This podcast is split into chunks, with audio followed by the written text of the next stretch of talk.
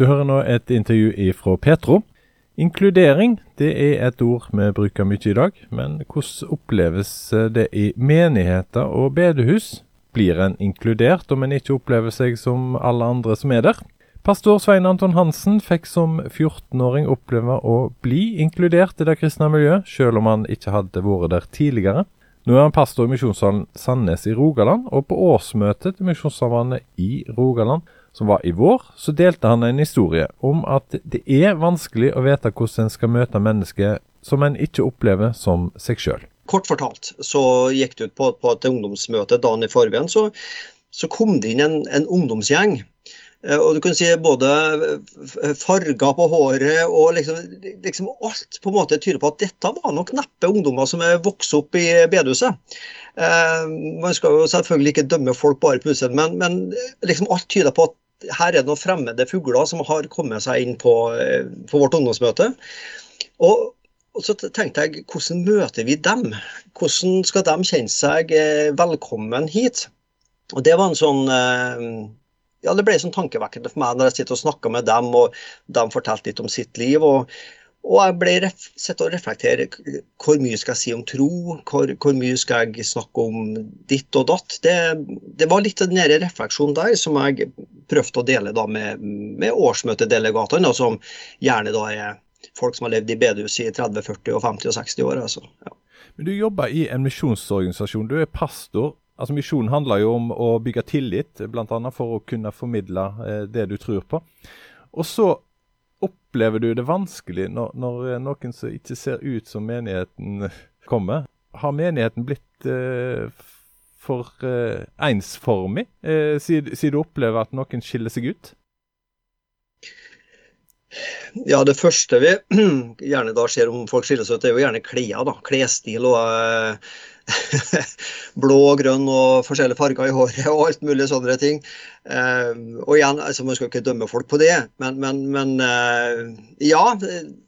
Vi kan vel både se ut ganske mainstream, altså like ut vi som går i menigheter og tenker likeens og snakker likeens. og eh, og det kan jo også være det at det er folk som da går i menigheter som kjenner seg litt annerledes, kjenner at det er litt utfordrende.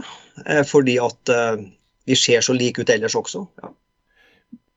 Men hva skjer da med ærligheten, med, med det å, å, inkludere, som vi har snakket om nå, eh, når det å være lik har så stor betydning?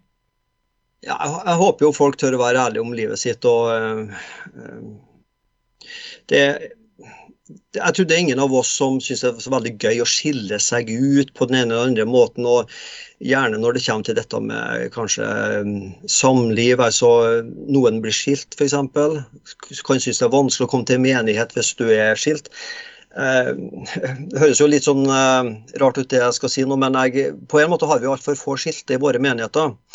Og med det mener jeg selvfølgelig ikke at jeg håper flere blir skilt, ikke sant? Men, men, jeg håper jo virkelig når folk kommer inn i livskrisa, så skal de kjenne at ja, menigheten det er jo førsteplassen jeg bør gå til. Eh, hvis jeg får problemer med samliv eller ja, ungene drikker seg full og eh, skeier ut. Så skal man ikke skygge og liksom tenke at skygge banen og at nei, da tør ikke jeg vise meg i menigheten, for eh, vi er ikke så vellykka lenger. Men nettopp da så bør man oppsøke menighet, tenker jeg. Jeg håper folk kan oppleve det sånn. Derfor. Men er det sånn i menigheter at, eh, at en tenker at hvis en opplever sånne ting, så, så er ikke menigheten eh, den plassen jeg vil gå? Ja, Det er ikke noe lett å gi noe ja-nei-svar på det.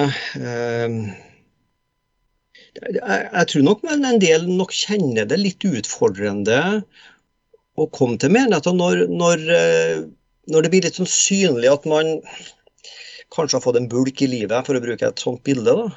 Men, men igjen, jeg håper jo virkelig altså, Menigheten er jo verdens håp. det er jo Finnes det noen bedre plasser å komme til, tenker jeg. Nei, det gjør ikke det. Det er jo i menigheten vi virkelig skal Menigheten skal være en plass der ingen står alene.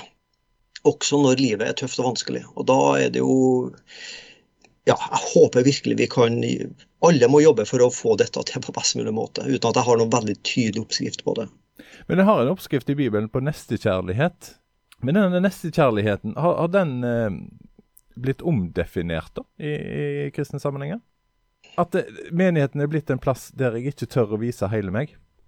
Og, og, hvis ting bulker kommer, som du sa i livet, så, mm. så, så, er ikke menigheten plassen jeg, jeg vil være. For, for, her er fasade, eh, det å ha, være lik, det å ha, ha livet på stell, eh, så viktig. Ja, jeg, jeg, vet jo det finnes historier om folk som, uh, som blir, da blir mindre å se når man opplever uh, sånn synlige, måte, synlige nederlag i livet. Det kan være også at uh, folk, godt voksne folk snakker om barna sine, og de barna man snakker om, det er de barna som fortsatt bekjenner troa, og har, mens man tør ikke å snakke om det barnet som opplever skilsmisse eller gikk bort fra Jesus. Og da, når det skjer, så, så tør man jo ikke å være ta hele livet sitt med. Så det, jeg, jeg, håper vi må ha en ærlighetskultur i våre menigheter. For uh, altså Gud ser våre liv. Uh, og vi er jo ikke der for å gi hverandre terningkast og karakterer. Vi er jo der i menigheten for å, å hjelpe dem som virkelig da opplever, det, opplever, livet vanskelig på en eller annen måte. ja. Hvilket ansvar har yrkesgruppa di, pastor, prest, uh, for dette?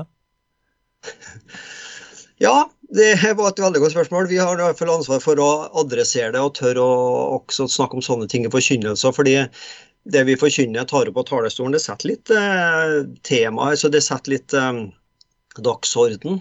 Og tør pastoren å, snakke om sånne ting, så blir det kanskje litt enklere. Så ja, ja, for all del. Jeg, jeg har et ansvar. Eh, min arbeidsgruppe, ja, definitivt har et ansvar.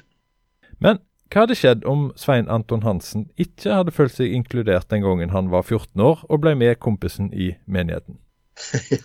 Vet du, ja, Akkurat det spørsmålet jeg tenkt på noen ganger.